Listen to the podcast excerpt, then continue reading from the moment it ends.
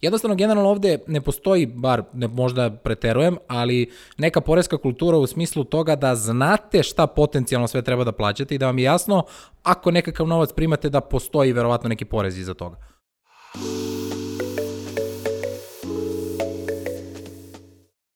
Zdravo ljudi, dobrodošli u još jednu epizodu Netokracijenog Office Talk podcasta. Moje ime je Marko Mudrnić. Pre nego što krenemo, a, mali podsjetnik, ukoliko se još uvek niste pretplatili, to možete učiniti klikom na subscribe dugme. Naravno, lupite zvonce kako biste dobili obaveštenje o najnovijim epizodama, a Office Talks podcast možete pratiti i na Apple podcastu, na Spotify, na Google podcastu, a od nedavno i na Deezeru. A, moj današnji gost je Milan Trebojević, a, knjigovođa, osnivač a, sajta ft1p.rs, a, vlasnik agencije i knjigovođa knjigovodstveni moljac dugogodišnjih prijatelja, ako tako mogu kažem. Milanče, dobro vam došao. Bolje vas našao i hvala ti na poziv.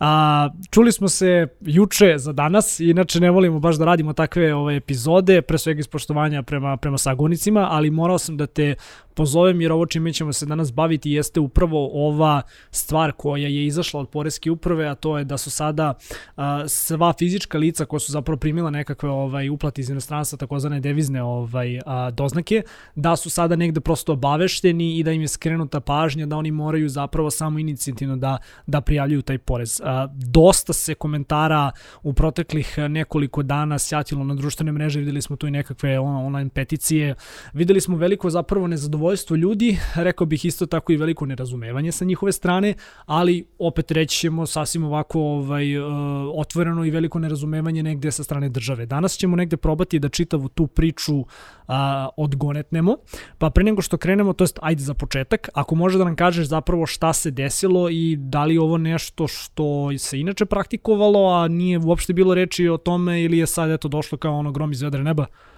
Pa ovo je nešto što postoji u zakonu od više godina sad. Ja sam počeo da se bavim knjigovodstvom 2012.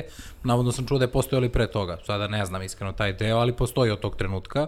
Tako da sve uplate kao fizičko lice koje dolazi na stranstvo su trebale da budu oporezovane. Sad to je trebao da uradi to fizičko lice, odnosno fizičko lice samo treba da podnese poresku prijavu, ono je prosto dužno. Država je tu da to samo sankcioniše ako ne uradi. Sada što poreska uprava do sada možda nije insistirala na tome, javno apelovala i slično, to je recimo jedna od ono ozbiljnijih novosti i ono što smo čuli sa strane poreske uprave da je procenat ljudi koji plaća jako nizak, znači izneti je podatak 0,34%, ne znamo od koje cifre, i koliko je to, da li je to 1000, Ne znam oni koje su delatnosti isto tako. Da, da, da, ali oni su rekli od nekog njihovog podatka, verovatno sve, sve delatnosti ili onako vrlo široko, 0,34% je samo prijavljivalo poreske odnosno podnosilo ovakve poreske plijeve i plaćalo poreze. Tako da nije nešto novo u smislu da je sad izmenjen zakon, pošto sam čuo dosta puta je nametnut nam je novi zakon i slično, to nije, ali nešto na čemu se možda nije dovoljno javno pričalo. Jednostavno, generalno ovde ne postoji, bar ne, možda preterujem, ali neka poreska kultura u smislu toga da znate šta potencijalno sve treba da plaćate i da vam je jasno ako nekakav novac primate da postoji verovatno neki porez iza toga. Da.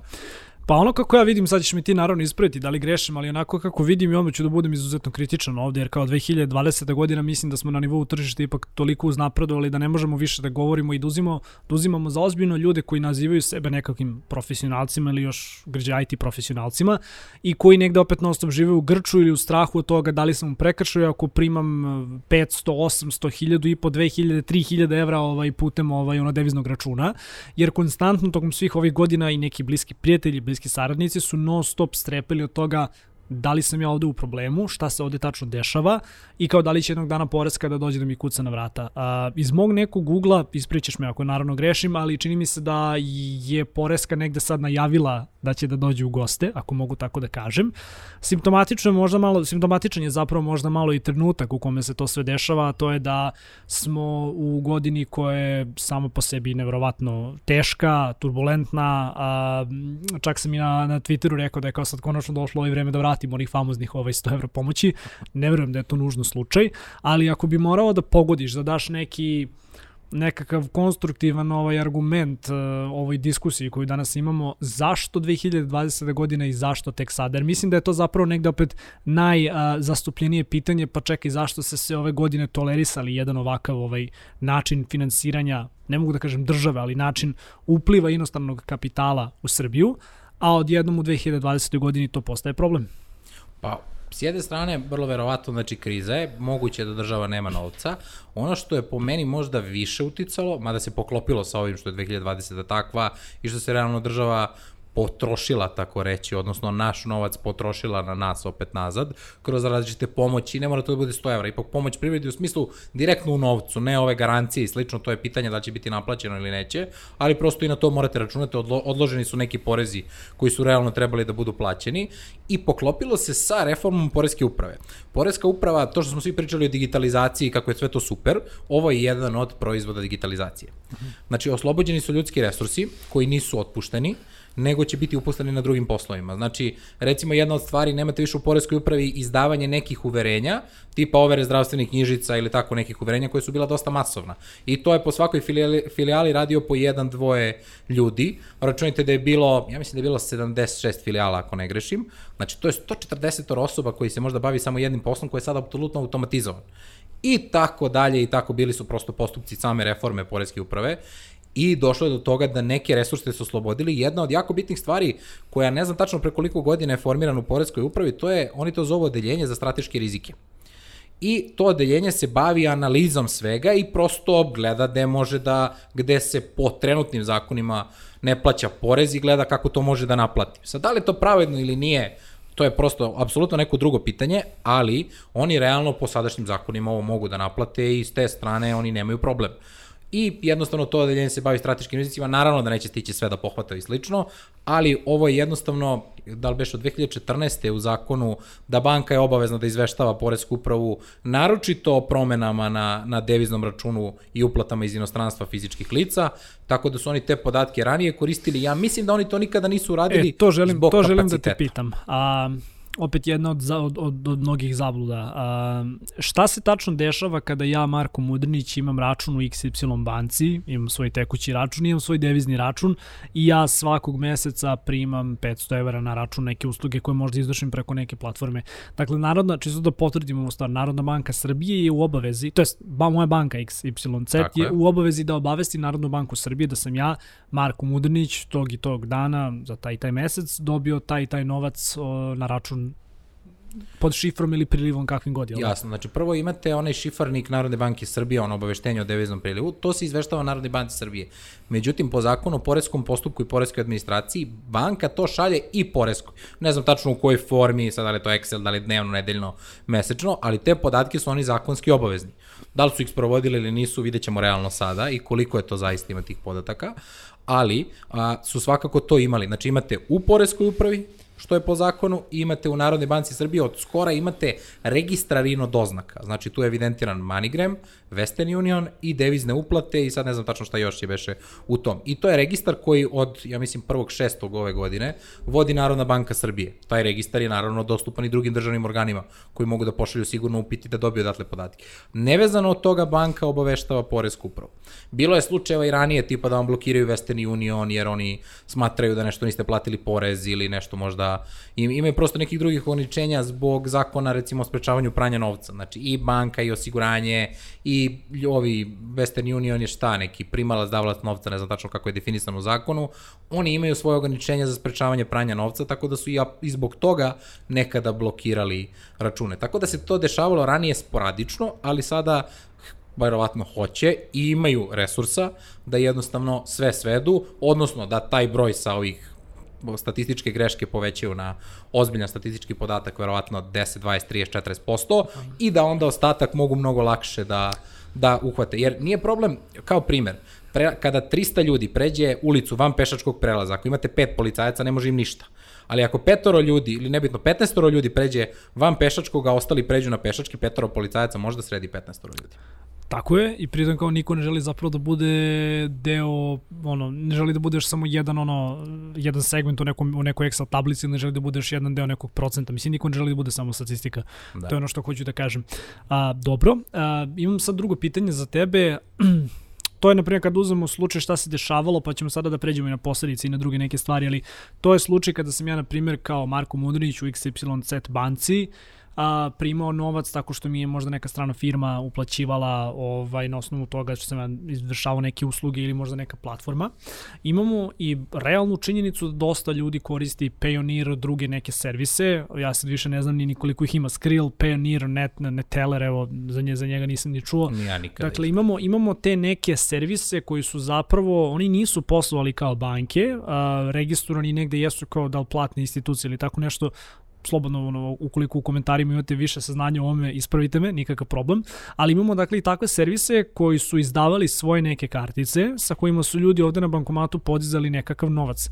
Naprimjer, pre par godina kada je ovaj drug listovao svoju gajbu na Airbnb-u, i kao ti e, što izdaju ono stan na dan ili ti, ili ti Airbnb booking, oni su na primjer isto tako da kažem u ovom nekom prekašaju bili. Do, ali da. dot, dot, dotaći ćemo se i njih, ali na primjer njemu je baš onako od Airbnb-a stigla brendirana kao ako se ne varam skrill kartice ili šta god.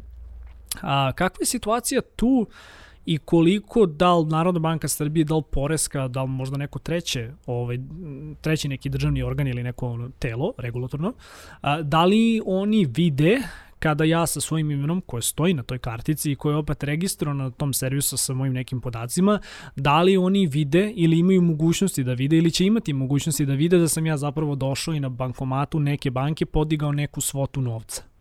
Ja pretpostavljam da će moći, sada ne znam tačno kako svaki bankomat radi, pošto pretpostavljam da ima neki standard za bankomat i pretpostavljam da oni nekako registruju to karticu, da li je to posljednja četiri broja, da li to ime i prezime i slično. Ja pre mislim da će e, Poreska uprava ono što može da uradi je da ide direktno da pošalje upit recimo Pioneeru i da im oni potencijalno odgovore. Možda hoće, možda neće generalno, ja sam nekog viđenja da ne verujem da će takvi servisi da rizikuju, ipak će ako se zvanično država obrati nekome, da će oni rizikovati celo svoje poslovanje, da bi recimo oni sad tu kao nekoga zaštitili ovde. To je prosto moje mišljenje. Bankomate pretpostavljam da mogu da, kako se zove, nekako prate, E sad nisam siguran tačno šta mogu to detalja da izvuku, ali prosto ne mislim da će da da da će u prvoj fazi recimo da se ide toliko na na ljude koji to koji su imali koji ništa nisu primali na devizni jer im je to teže dostupno. Ovo direktno dobijaju od banaka i to sve imaju. Tako da ako je neko baš koristio Pioneer i recimo ili PayPal i povukuje baš na račun u Srbiji, nije bitno ono tamo što ima, verovatno će to proći na nivou postaviti pitanje kao imaš li ti, kažeš nemam i oni ti vero, ili imaš pa dokazuješ da, da vadiš nekakvu istoriju transakcija da, kao iz tih servisa. dokazivanje opet je na tebi, da. Da, da, da ali da... poenta je, a, ako, tipa, ako se to bude svodilo na nivou, ja tebe pitam i ti kažeš nemam, ja kažem ok, ja sam kao poredska uprava, i ja kažem, dobro, ok, mislim, ne mogu da dokažem suprotno, onda prosto, mislim da će Poreska uprava prosto gledati statistiku i ako ne budu dovoljno naplatili da će možda tako nešto uraditi. Sada, m, prosto to je sad vrlo, mislim, vrlo je upitno zato što čujem dosta informacija i pojavit će se gomila dezinformacija, znači kao i u svemu. Znači, ja kao sam, i uvek, da. Da, ja sam u fazonu 95% toga je za bacanje potpuno, ne trebate da slušate, jer to odeljenje za strateške rizike Poreske uprave je, nema tu 100 ljudi, znači mislim da ih ima sedmoro ako ne grešim, ne tako mi stoji u glavi, pošto sam gledao ima sistematizacija Poreske uprave, zvanično ne treba vam nikakav sad specijalno čudo, nego vidite da je iz, ispod direktora Poreske uprave to odeljenje. Ja ne verujem da u Poreskoj upravi ima više, a možda ću preceniti desetoro ljudi koji tačno znaju šta će s ovim da se radi, tako da verovatno toliko ljudi znaju u celoj državi. I sada kad čujete hiljadu informacija, pitanje je koliko su one tačne. Tako da, ja mislim da i oni kreću, vide da tu ima puno i jednostavno kreću segment po segment i dosta će i oni u hodu toga da sređuju, da imaju resursa, u, u principu bojim se kad država nešto hoće da sigurno ima resursa da tako nešto uradi. Sad samo je pitanje do koje granice će ići. Da, to, to ne sunjam. Ovaj, isto kao kad se spomenuo naš kao velike firme, da li bi rizikovali, da li će da rizikuju svoje poslovanje u Srbiji, ne sjećam se iskreno da je kao jedna ono velika tehnološka firma ikada rizikovala svoje poslovanje na uštrb ovaj, korisnika. Market je market. Ja, ne znam, da. da. Dobro. A, što nas dovodi do ovog saopštenja koje je zapravo izdala Poreska uprava, Meni su to ovako krajnje, bili su decidni u imenovanju nekih platformi kao što su Google, Upwork, People Global, Opportunity, Airbnb. Naveli su tu naravno i Skrill i Payoneer i ove druge neke, a, druge neke platforme. I sad zanimljivo je da su tu čak i upotrebili ono kao reči posebno youtuberi i influenceri što je možda ovako negde i najviše zapravo nekog svetla bacilo na čitavu priču. Mediji su to onako ispinovali kada čuju da ono nekog lobi ovo youtubere za, za porez i influencere, to je bukvalno ono medijska, medijska hajka skočila na sve to.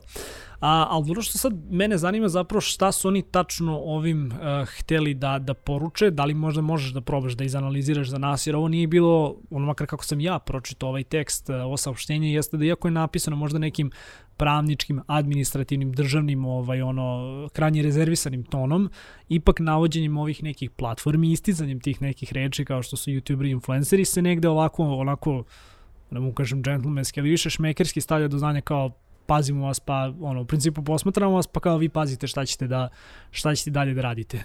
Jel, jel, jel li ti iščitavaš to možda na taj način ili imaš neko drugo viđenje te situacije? Da, pa meni je ovo ono bukvalno krajnje upozorenje, otprilike svima. Krajnje upozorenje. Znači dobro. ne, ovo je sad već javno objavljeno i kao to već postoji i ovo je otprilike ono posljednja opomena i posle ovoga kao prosto ići ćemo sa svim daljim merama i to je to. To što su naveli tipa aj to što su naveli youtuber influenceri verovatno da bi prosto možda i malo približnije bilo to neko administrativno saopštenje. Verujemo ali da. kad su naveli tačne platforme, a, verovatno je da statistički oni mogu vrlo lako da utvrde šta je tačno statistički odakle je najviše leglo na devizne račune u Srbiji i to nisu slučajno naveli. Sad, da li je to influenceri i youtuberi, to sad možda bude možda u različitom kontekstu, možda prosto to i žargonski sad, mislim, ljudi koji drže časove nisu youtuberi, nisu influenceri, a drže časove engleskog, kineskog, francuskog, da. nije ni bitno, če, kogod jezika, prosto oni nisu ni jedno od tih kategorija, a i njih ima. Tako da možda su to više žargonski stavili pa kao da, ajde, Duže, ali generalno... su možda tu i najugroženiji u čitavoj toj priči da, opet. Da. Ono što jeste je što su naveli dosta platformi, znači te platforme su sigurno imale najveću količinu uplata, pošto sa svim ovim što je zakon omogućio, oni imaju statistiku. Zašto je do sad nisu obrađivali, ja sam i dalje ubeđen zbog resursa, nisu imali dovoljno resursa da to urede, jer da su oni to krenuli sa dvoje ljudi, Da. Ispalo bi, da. mislim, ispalo bi smešno. Imaš i drugo viđenje te situacije. Slažem se da bi ispalo smešno da su svakog ušli sa, sa malo resursa ispali bi ne, potpuno nepripremljeni. E, druga neka teorija, ne znam da ćeš se složiti ili opovrgnuti, ali druga neka teorija ovako krajnje otvorno, mislim, možemo da pričamo o tome, jeste da su govorili kako bi, ne znam, na monetarni sistem Srbije pao kada bi se ukinuli de, ukinule devizne doznake ili kada bi odjednom ono, krenule, krenulo bukvalno sve da oporezuješ, jer kao i dalje imamo veliki broj ljudi koji, ne znam, ovde ima svoje roditelje, svoje neke starije rođake kojima šalje novac iz inostranstva, Tako. pa i to opet negde da kažem delimično ovaj potpada pod neki neki porez pričali su mala čast da se zapravo mm. rekao da da bi moglo da potpada pod porezu poklonu. Porezu da, poklonu, da, da. Da, pričat ćemo eto i o tome, možeš možeš i o tome da nam kažeš više, ali svejedno kao mišljenje je bilo ok, država negde pušta da se ove stvari rade, kao onako na, na drugo oko, na drugu stranu zapravo gleda, kako bi taj novac završavao ovde u Srbiji, kako bi se trošio ovde na ono, domaće proizvode, na domaću neku ekonomiju, što je jedna strana vižnja od svega toga i mislim da u ovoj čitovi priči koliko god taj argument imao možda merit za, ne, za nešto, za, za nekakvo ono, možda da kažem imao osnov za, za neke ono teze u toj celokupnoj diskusiji. Isto tako on služi gotovo isključivo kao ono single-handed izgovor za mnoge koji posluju danas tako da kažu da ja svoj novac zarađujem u Americi preko neke američke platforme radeći za američko tržište ja ne želim i nisam u obezi da plaćam porez u Srbiji što naravno nije tačno. Da, to definitivno to da. definitivno. Ono što je tu najbitnije u budžetu, znači najviše učestvuju, šta je punjenje budžeta najviše, je PDV i akciza, ubedljivo.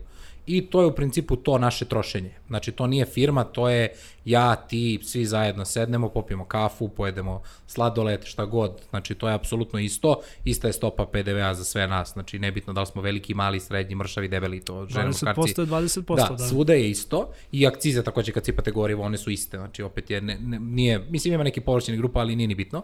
Uglavnom za celokupno građanstvo je svuda isto. Znači, nebitno da li, da li sam ja ili neko ko ima platu 200 € ili Mišković. Ista nam je stopa za akcize, ista nam je stopa za PDV. Tako da tu nema razlike. A što se, i to je jednostavno jedan argument koji mi je moguće da je država do sada, jednostavno to je odgovaralo jer prosto taj novac Dobro, se troši novac se troši, to je neka da, ekonomija koja se to ima, ima, da, da, jednostavno da, da. i da, im, ima, ono i ulazi on sveža krv, tako reći, u, u monetarni sistem i to ima smisla. Međutim, s druge strane, a, moguće da je, kažem, zbog krize, zbog svega, da je prosto jednostavno uzdrman je budžet, mislim, ne uzdrman je budžet u smislu da možda, a, da, da je ono kao sad manje, a, manje mogu da budu prihodi, nego manje će biti naplata tih prihoda. Znači, ako su vam oni odložili nešto što, što ste do sad plaćali, to trenutno ove godine neće biti naplaćeno, pa im možda treba nešto da brže prosto mogu da naplate. Tako da može da bude zbog toga. Ta opcija da to što vi radite u Americi, a živite ovde, jednostavno ima drugo neko saopštenje posle Poreske uprave, mislim da je e, to objavili 15. marta, su objavili tačno kako, kako će se oporezivati i šta je rezident Srbije po njima. Znači, pošto se to oporezuje po zakonu o, o ovom porezu na dohoda građana, rezident je ako imate ovde pretežno mesto ne stanovanja, nego pretesno mesto življenja ili poslovnih pa mislim, aktivnosti. isprime ako grešim, ali mislim da se, ok, to svakako imaš različite neke stavke koje možeš da gledaš i ispunjavaš.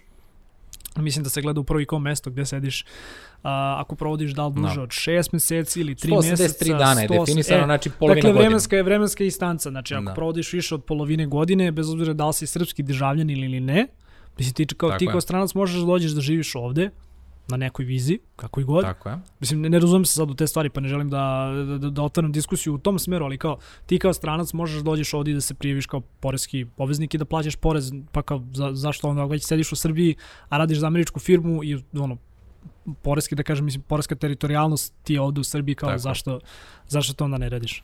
Dobro, a šta dalje? Ovaj, im, da te pitam jedno ovako, možda će sad ovo zvučiti kao neki moj lični hejt, ali pojavila se ova neka online peticija, možeš misliti online peticija u 2020. godini, da. ali pojavila se ta online peticija koja negde možda i nema nema lošu nameru, ovaj, ali, ali eto, mož, mogu otvoreno da pričam ovaj, ne, neke stvari koje mi smetaju. Pod jedan, uh, samo ime peticije ne uništavajte IT. A, moje neko mišljenje, mišljenje ljudi sa kojima sam pričao, a, jeste, znaš, kao svako ko je iole ozbiljan u ovoj priči, ko radi negde u informacijnim tehnologijama, znači nebitno da li imaš svoj proizvod ili, ili radiš ono u uslužnom sektoru, jer uglavnom se ove neke stvari vezuju za, za uslužni, uslužni sektor, ali kao, zaista ne pamtim da sam poslednji put pričao sa nekim ko, na primjer, nema svog preduzetnika, a, ko na primjer nije na DO danas, ko nije pokrenuo neku priču ili se ustoličio da ipak ono bude legalan u tom nekom smislu, I kao znam, znam, bilo je tu i problema prošle godine oko paušalaca i oko načina na koji se oni tretiraju. Sve to naravno ovaj, i dalje onako pod nekim znakom upitnika, mislim da se ljudi dalje nisu prilagodili. Ali negde imam problem sa tim da mi ozbiljno govorimo o našem IT-u, a, i o takvoj jednoj industriji koja jeste opet servisna industrija i kao nema tu ništa loše, ali da onda govorimo kako je ovo nekako sistematsko uništenje nečega što zapravo je potpuno udaljeno od nekih platformi, od tog nekog nelegalnog ili ti rada na crno, I onda dolazimo u tu koliziju da sada mislimo da je ovaj sektor ugrožen, a zapravo ja negde, makar lično vidim da su to možda najugroženiji ljudi koji ne zarađuju toliko neke, neke visoke prihode, nego su to, na primjer, profesori koji držite neke časove pa zarađuju možda, ne znam, između 200, 300 ili 400 evra mesečno, što tehnički gledano nije neki prevelik novac, to svakako ne troše na nekakav luksuz. I onda dolazimo do toga da zapravo je po meni makar izostala i definicija toga ko su ti ljudi, za koji su sektor oni zapravo vezani i kao koji su zapravo njihovi zahtevi, pošto ako su zahtevi da se samo ne plaćaju porezi, to iz očiju države izgleda poprilično smešno. Naravno, to, to, to, mislim, to ne dolazi u obzir, ono, bukvalno. Mislim, oko takvih stvari ne možete razgovarati sa državom. Kao ne, ne, mi nećemo da platimo porez. Pa kao dobro što mi da razgovaramo. Nećemo ni mi da platimo porez, ali moramo, da. da, kao, mislim, to, te strane ne možete. Recimo, ono što je što je tu recimo definitivno najugroženija grupa je negde, sad neću, neću da ne nagađamo ciframa, ali negde recimo do 500 evra zarade, koji god oblik da izaberete, da ćete to platiti ko fizi, da budete legalni sad, da ćete to platiti ko fizičko lice ili ćete nekakvu firmu otvoriti, kako god, da li to paušalac, deo, nije bitno, bi bez polovine od tih para minimum prosto nećete proći i za vas je tu onako vrlo, vrlo tanak modalitet. Jedno od rešenja koje je bilo baš apropo testa samostalnosti kog, kog si pomenuo, mm. bilo je jedno sjajno rešenje gde su oni rekli da do 200 eura bi mogo da bude neoporezivi iznos prihoda mesečnog za preduzetnika, što bi recimo bilo rešenje za ovakve ljude. Jer ako prolaze te samostalnosti, znači ne, ne može da se zloupotrebi u smislu da tako plaćate zaposlenog, jer ćete verovatno pasti te samostalnosti, a rešit ćete jedan dobar problem ljudi koji imaju tako, koji zarađuju nešto sitno. Tako da to bi recimo moglo da bude jedno rešenja, prošlo je sad sve to, to verovatno za godinu dve tek može se promeni. Meni kod online peticija, i to sam rekao javno, smeta to što to je nivo aktivizma 0,2. Znači, postoji nekakav pa to je, to mali je, pomak. To je nivo aktivizma da mi bude bolje. quick fix, brza droga. Mislim, ništa nećeš time postići da. zato što kao pod jedan, prižali su malo čas o ovome i mislim da su ovo neke stvari koje treba da ostanu kao zabeležene na kameri, ali ono, a, ne postoji reprezent, ono, no, uh, there's no representation without monetization, jel da? Tako se kaže, znači ne postoji reprezent, ono, nema reprezentacije bez monetizacije.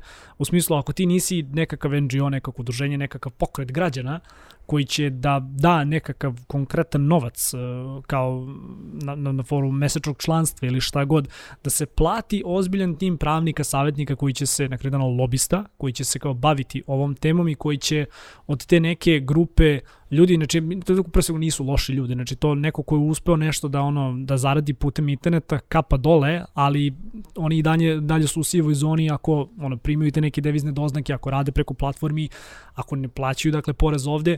I stvarno kapa dole tim ljudima na tom nekom ono preduzetničkom mindsetu, ali ja iskreno za sve ove godine nisam video ni jedan ozbiljan pokret da ti ljudi kažu ok, znamo da smo trenutno u prekršaju, da li možemo da sedemo sa državom i da napravimo takav neki model saradnje gde ćemo da mi uđemo ono da budemo znači zeleni da da, da ono budemo na belo što bi se reklo a da onda državi na primjer ono zaista sedne i da vidi kako može da izađe u susret tim ljudima jer to nije mali broj ljudi to je jedan ja sasvim solidan da solidan broj dobro, ljudi da, da. veliki broj ljudi. Pogledaj znači to su ti ljudi koji rade na platformama bilo dizajn, bilo copywriting, bilo prevođenje, dakle druge neke stvari.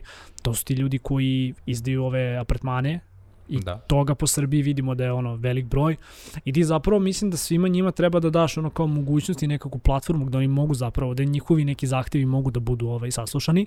Onom peticije ne verujem da je to, ali verujem, verujem da je neki ono pokret građana gde bi stvarno uz neke ono ozbiljne ovaj novčane prihode od ljudi koji žele da se njihovi glasovi čuju, mogao da dođeš do toga i da ono rešaš ovaj problem. Opet s druge strane, makar ja kako to vidim, jeste da imaš povoljno stani države. Što ona negde će uvek krenuti džonom na ovakvu stvar, što ti kažeš žele da namire neki ono kao procenat svoj nečega, to, to, tako da. je i što jednostavno opet znaš ono kao na kome sad teret dokazivanja. Uh, da, ne možeš ne možeš da imaš strane, isključivosti sa jedne i sa druge strane, to je ono što hoću da kažem. Ako ne da. neće vam ništa dati. Mislim vrlo je realno da ako vi ništa ne tražite, znači bukvalno do sad ste ćutali i sad ste se odjedan put javili u posljednjem trenutku. A i ne samo što ste ćutali, nego non stop ste se pribojavali. Znaš, mislim kao, ok da dođeš i da kažeš neke stvari otvoreno kada znaš da ne može niko realno da ti uzme ništa za zlo, kada nema nikakvih ono konkretnih dokaza protiv tebe i koliko prijatelja, mislim, imam samo koji su se doslovno godinama onako brinuli i strepeli i samo su bukvalno gledali ovako da mi se nešto ne desi. Pa su onda naš ono sakupili nekakav novac pa pokrenuli nekog preduzetnika, pa su možda danas DO ili šta god, ali znaš kao, sistemski se radi na nekim rešenjima, nikome nije idealno, ali da, nije da, ni rešenje ne plaćati porez. Definitivno. Imate recimo zanimljiva stvar, sad ne, ja ne znam kako je to poimano u javnosti, ali recimo postoji zakon o lobiranju. Ako ja ne grešim imate 21 zvanično registrovanog lobistu. Zašto? Eto, uveli smo zakon, po meni fenomenalna stvar Znači, mislim, koliko god to ljudi smatrali korupcijom, ja sam iz principa, iako je korupcija, nek bude oporezovana. Pa, bar te znamo ko je tačno zašta plaćen i to je sasvim u redu. Mislim, prosto to, to je neka svetska praksa, znači nismo mi to izmislili. I s druge strane, online peticija vas neće dovesti do toga, jer jednostavno morate kontinuirano. Znači, za izmenu zakona jednog, ako uradite nešto u godini dana, to je neviđen rezultat ovde. Znači u jednoj godini da zamenite neki zakon, ne verujem da imaš ni šanse, ali možete kroz par godina da uradite nešto.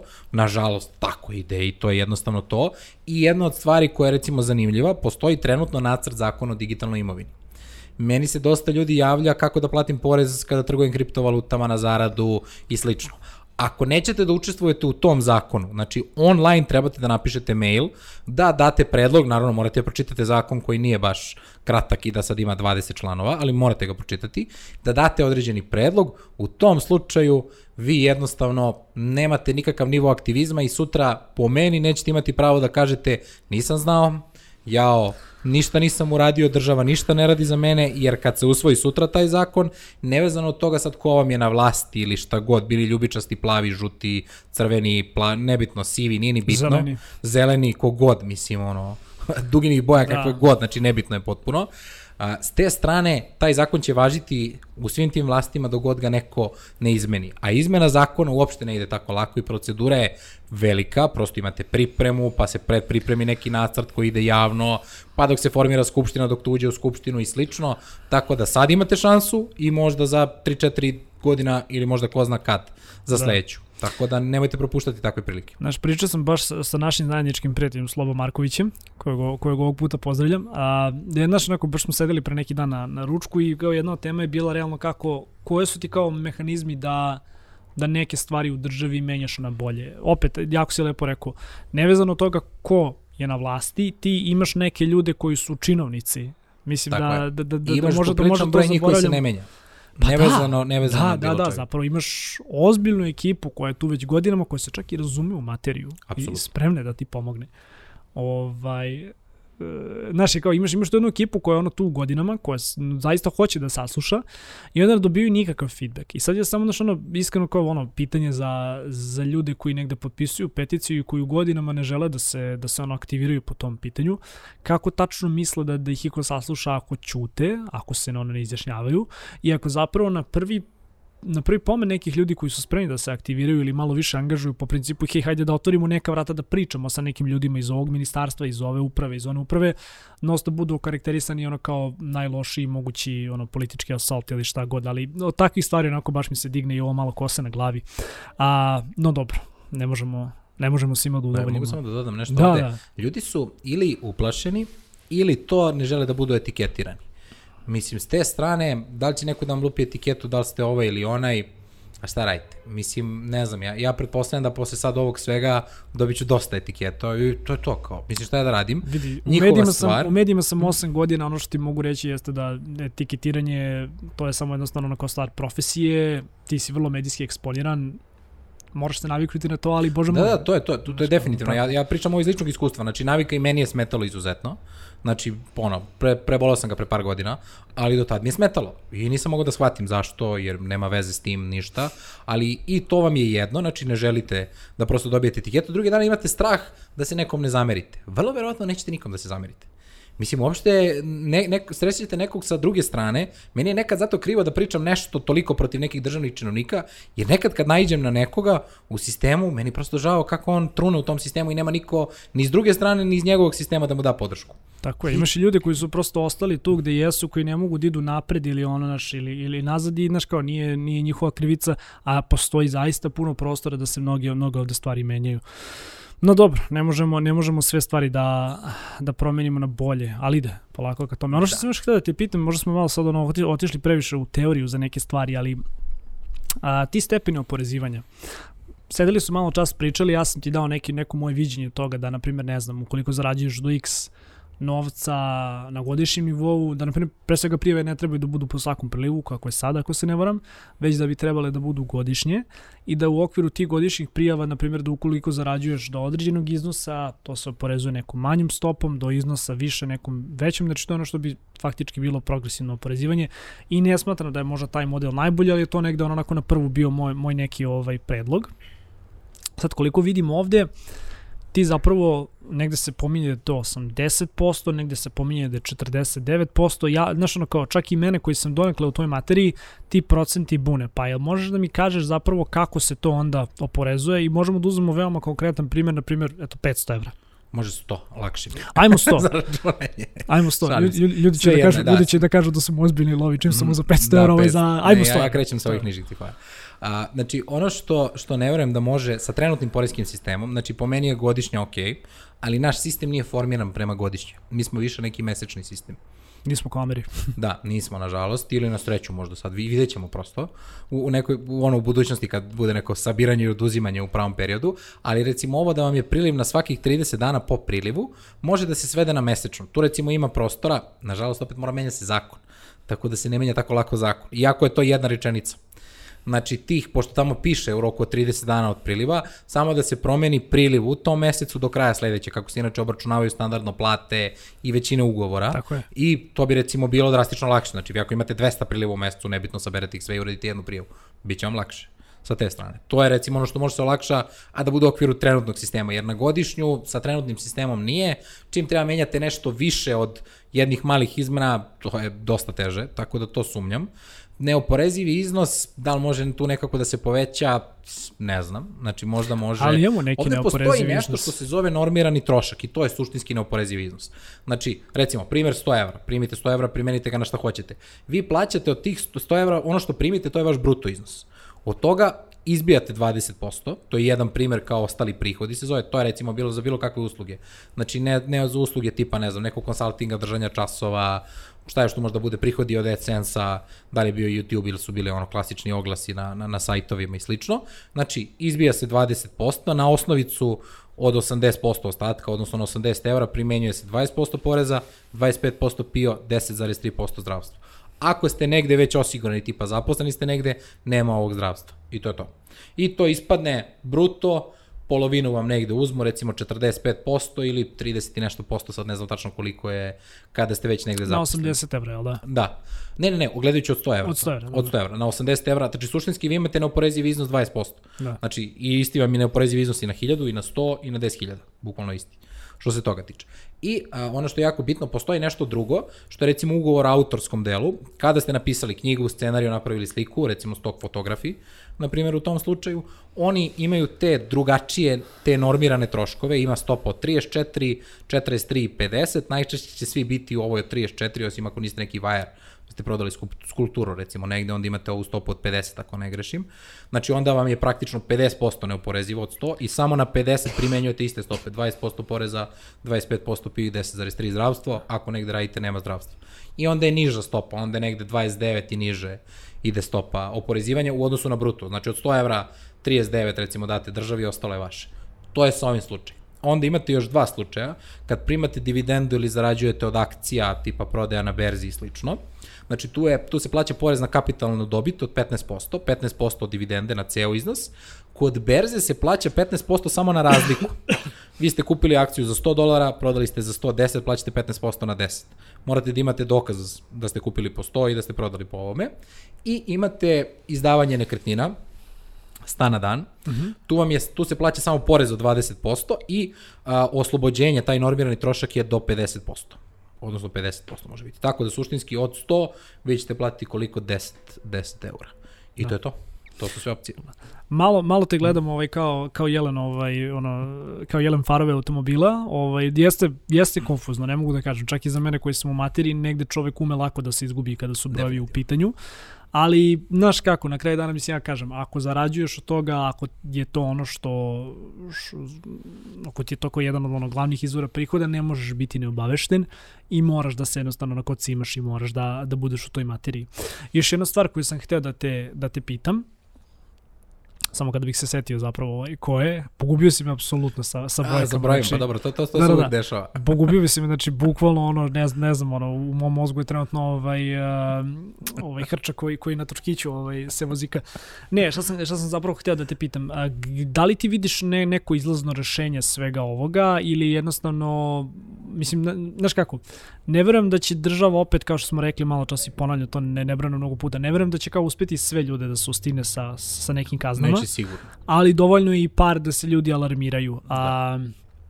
Da li možda, dobro, ovo je sad možda više ekonomsko pitanje, ali da li možda možeš da mi daš neke tvoje predikcije ono kao kratkoročnog uh, reš, ono, kratkoročno šta će se desiti, da li ćemo imati ovaj, ono, ljudi koji će krenuti da plaćaju porez ili ćemo jednostavno videti ljudi koji prestaju onda da rade nešto online jer im se to više ne isplati. malo humora ovo, pošto ja... Naravno, uvek. Om, omiljenog uvek. lika koji mi je za plaćanje poreza, ekonomiju, biznis je Šojić.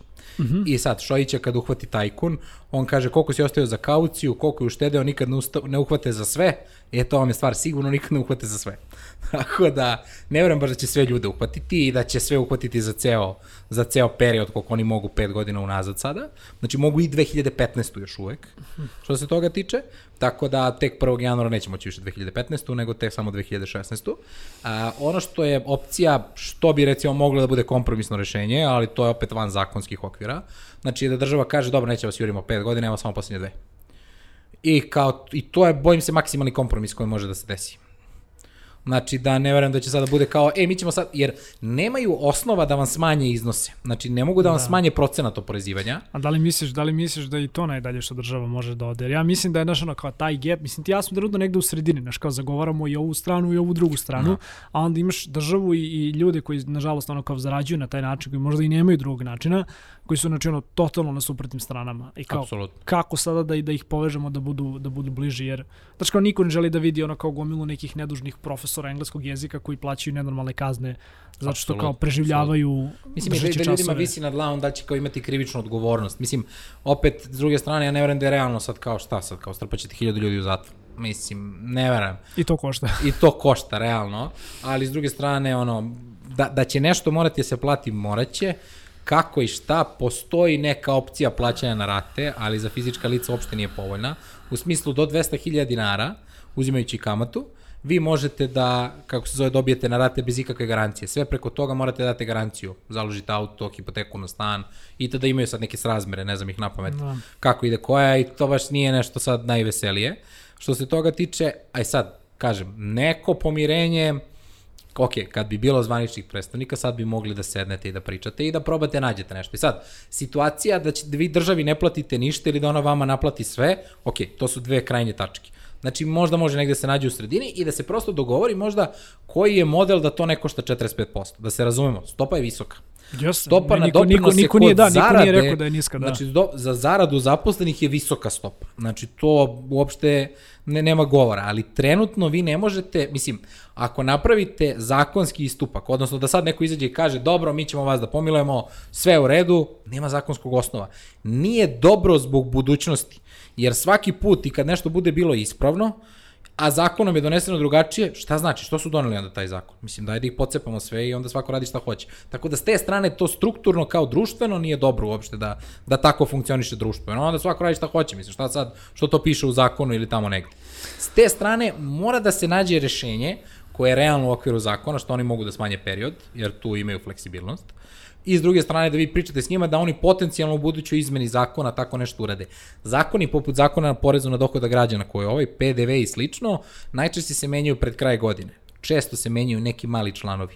Možda u tim izmenama zakona može da bude i ovako nešto ali morate da imate zvanično predstavnika, da neko može zaista tamo da priča, online peticija vam u tome ništa neće pomoći, nažalost. Da. Tako da mora biti neko udruženje i ja sam isto mišljio ako je udruženje bez plaćanja, makar članarina bila 1000 dinara godišnje, znači mora da postoji neki fond da se nešto plati, prosto, mislim, ne možete očekivati da ako neko ne radi puno radno vreme na tome da će se nešto promeniti. Znači, taj proces je izuzetno mukotreban, naporan, otići ćete 20 puta i ništa nećete da uradite, a neko treba da ode 20 puta. Ako to radi popodne kad ima vremena, to se nikad ništa neće uraditi ili nešto vrlo malo. Da, dobro. Hvala ti. Za kraj, evo, pošto sam se juče obratio ljudima sa ovaj putem Instagrama, najavio zapravo da će mi danas biti gost, stiglo mi je ovaj, zapravo par nekih pitanja, uglavnom su se ovaj, ticalo manje više neki stvari koje smo prelazili sad, kao što su, kao što su ove poreske stope. Ali jedno pitanje koje mi je ovako bilo jako interesantno, a, vlasnik sajta, postoje kao firma, ali Google uh, AdSense mu kaplje na privatan ovaj nalog. Da li u prekršaju ja bih rekao da. Da, da, da. da. Znači sad šta je tu? A, ono što tu možda bude, recimo sad, i opet je da će Poreska uprava zauzeti takav stav. Ako ste recimo i paušalac i AdSense dolazi na privatni račun zato što ne možete zameniti to na Google, nije ni bitno. Sad zašto? Ali ste vi recimo izdavali fakture i upisivali u KPO knjigu, možda postoji mogućnost da se opravdate poreskoj upravi. Ali za Google AdSense ima neko mišljenje Ministarstva financija još iz 2011. Sad, da li ne mogu da ga nađem, sećam se da sam ga čitao davno, gde su baš upisali da to što primite od Google AdSense izbijete 20%, na ostatak od 80 20% poreza i full ovi doprinosi koje smo pričali. I dakle, to tehnički postoji, postoji, za postoji rešenje mišljenje. za sve, samo da. je zakupano negde u nekim knjigama, neko je već tražio mišljenje i treba ga iskopati. Ili to, ili zakon je nama ostavio mogućnost sve što je nedefinisano, spada u te ostale prihode ide po tom principu izdeš 20%, 20% poreza i full doprinos.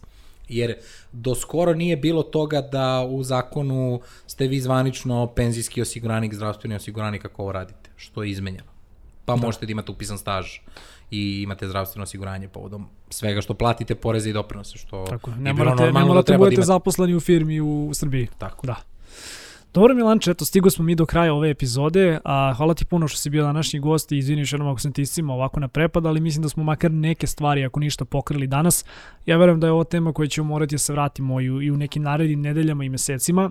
Svakako je tu i novi zakon o, o digitalnoj imovini, što je bukvalno jedno onako potpuno novo poglavlje. Bukvalno. Bukvalno, da. I baš sam kao pričao nedavno koliko zapravo i digitalni aset, poput, na primjer, ne znam, kao kuće koju prodeš ili automobila, isto tako bi trebalo da zapravo bude oporezivo, da. da.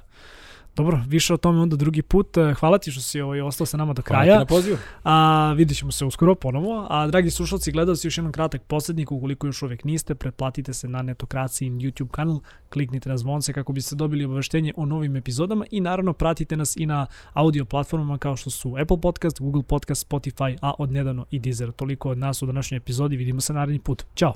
Ćao!